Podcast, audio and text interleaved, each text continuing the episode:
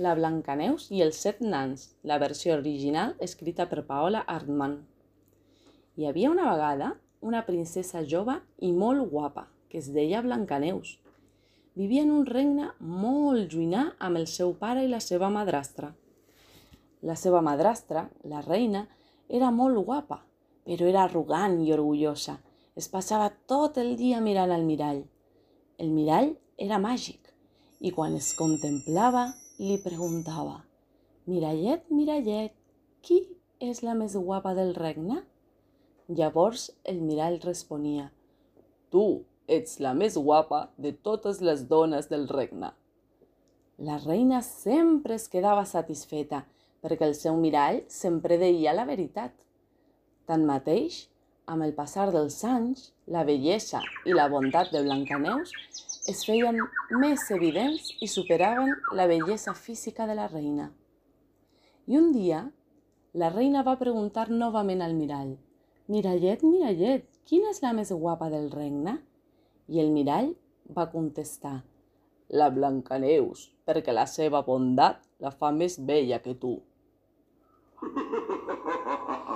La reina es va emplenar d'odi i d'ira i va manar la presència del caçador i li va dir «Emporta't a la princesa al bosc i assegura't que les bèsties salvatges s'encarreguen d'ella».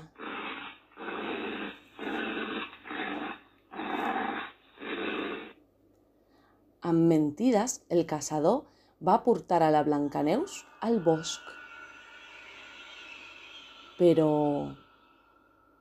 quan estava a punt de complir els mandats de la reina, es va apiadar d'ella i li va dir «Corre, corre, vés-te'n lluny, busca un lloc segur on puguis viure». La Blancaneus, quan es va trobar sola enmig d'aquell bosc tan gran, va començar a córrer tan lluny com va poder. I quan el sol estava posant va començar a fer molt de fred. I enmig del bosc va trobar una cabana. Va decidir apropar-se i trucar a la porta.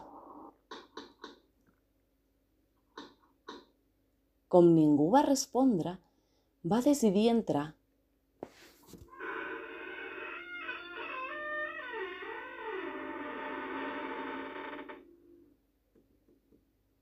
I molt a poc a poc va entrar dins de la cabana. Una vegada dins, va sentir la calor que emanava de la xemeneia i se va adonar que tot el que hi havia en aquesta casa era petit. Les cadires, els llits, els plats, les gerres plenes d'aigua. Sorprenentment, de tot n'hi havia set. La Blancaneus tenia tanta gana i set que es va seure i va menjar una mica del que hi havia a cada plat. I va beure una mica d'aigua de cada gerra. Després va decidir anar a dormir. Va provar a dormir en els llits, però tots eren petits i així, al final, es va decidir per dormir a l'últim llit que hi havia.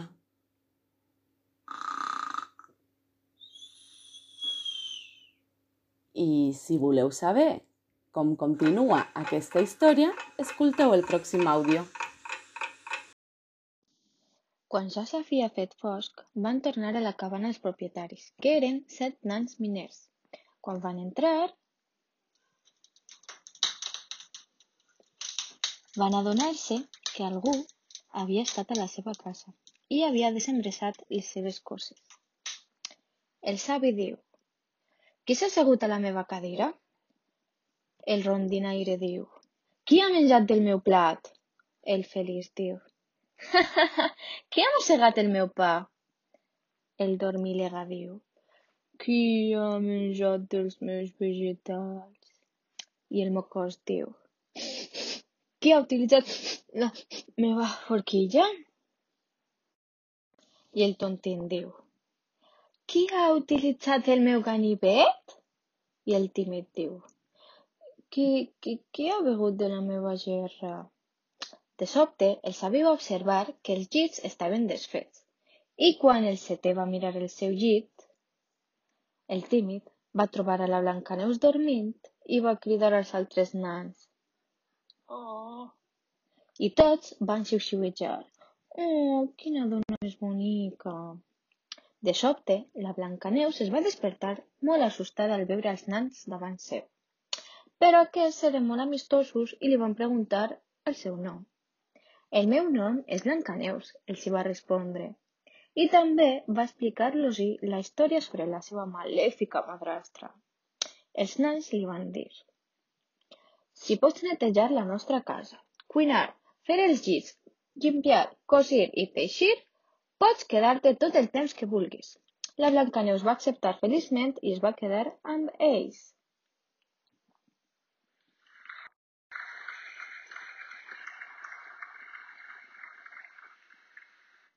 Va passar el temps fins que un dia la reina va decidir tornar a consultar al seu mirall i va ser quan va descobrir que la princesa vivia al bosc.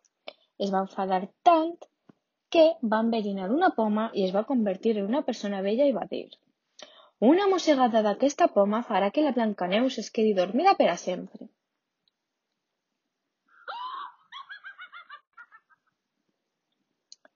L'endemà, els nens van marxar a treballar i la Blancaneus es va quedar sola. Poc després, la reina disfressada de persona vella es va provar a apropar a la finestra de la cuina i la princesa li va oferir un got d'aigua. Ets molt bona persona, diu la dona vella. Pren aquesta poma com a agraïment. En el moment que la Blancaneus mossega la poma, va caure a terra.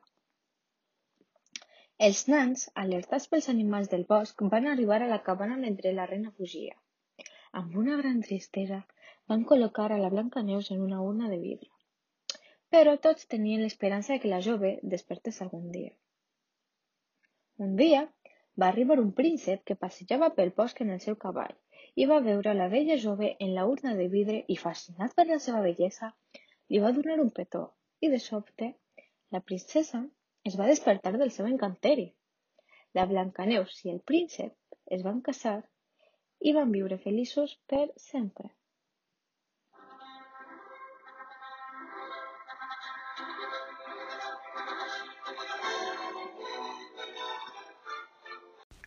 A continuació, explicarem la versió moderna anomenada La Blancaneus moderna, escrita per Ardilla i que hem traduït al català. Hi havia una vegada una dona bonica i independent que vivia en un pis aquí a prop, que sempre estava amb un somriure i que tenia una mirada molt lluminosa. Un cabell negre, rissat i una pell blanca com la neu. I d'aquí el seu nom, Blancaneus. La Blancaneus era una persona molt feliç, amb el que tenia, un treball i una vida social molt activa. Era senzilla, amb les seves manies i les seves rutines, i li agradava menjar de tot. Es passava el dia cantant.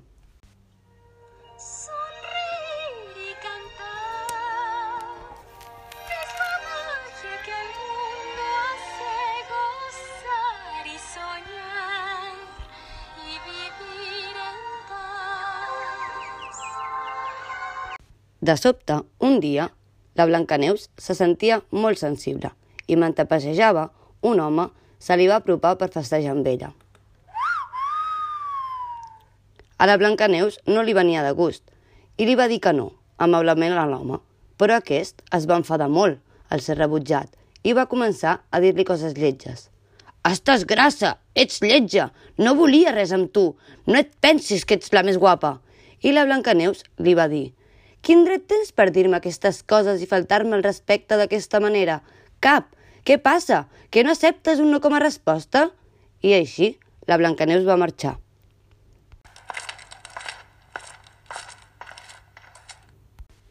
Quan va arribar a casa, va encendre la tele i va veure un anunci en el qual sortia la dona perfecta per a la societat.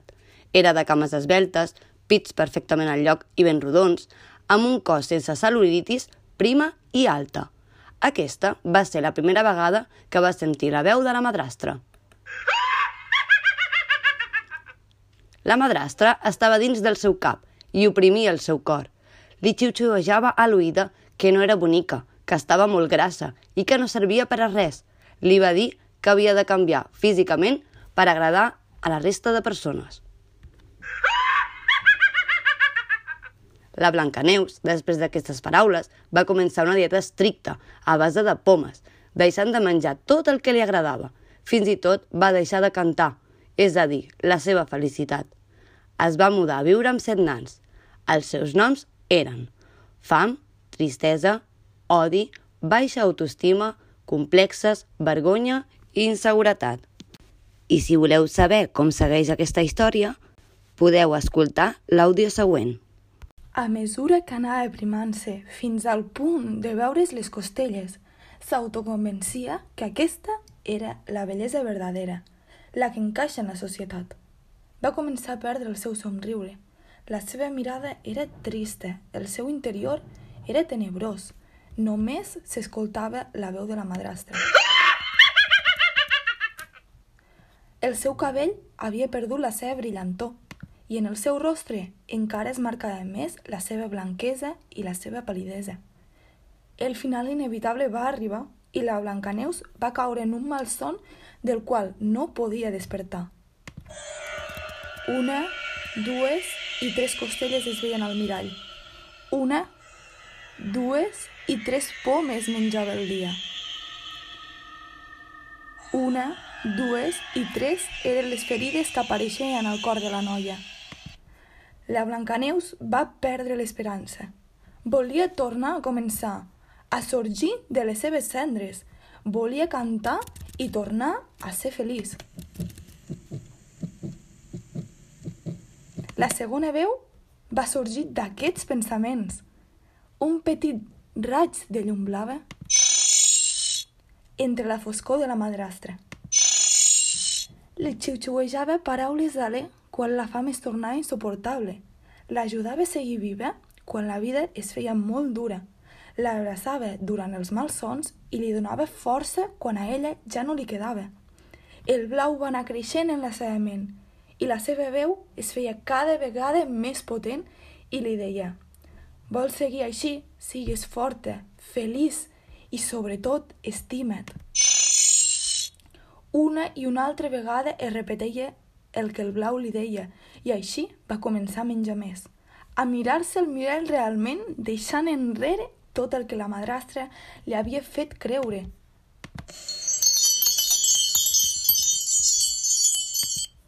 Els dies passaven i les costelles desapareixien. Anava obrint els ulls d'aquell patiment i malestar que semblava infinit, enfrontint-se amb cada pas que donava cap a la llum. Va arribar el dia en el qual inconscientment li va sortir una nota musical. I després una altra, fins que va tornar a cantar de nou al món, des de llavors no ha parat de fer-ho en honor a totes aquelles que segueixen en la foscor, intentant arribar el blau a les seves madrastres.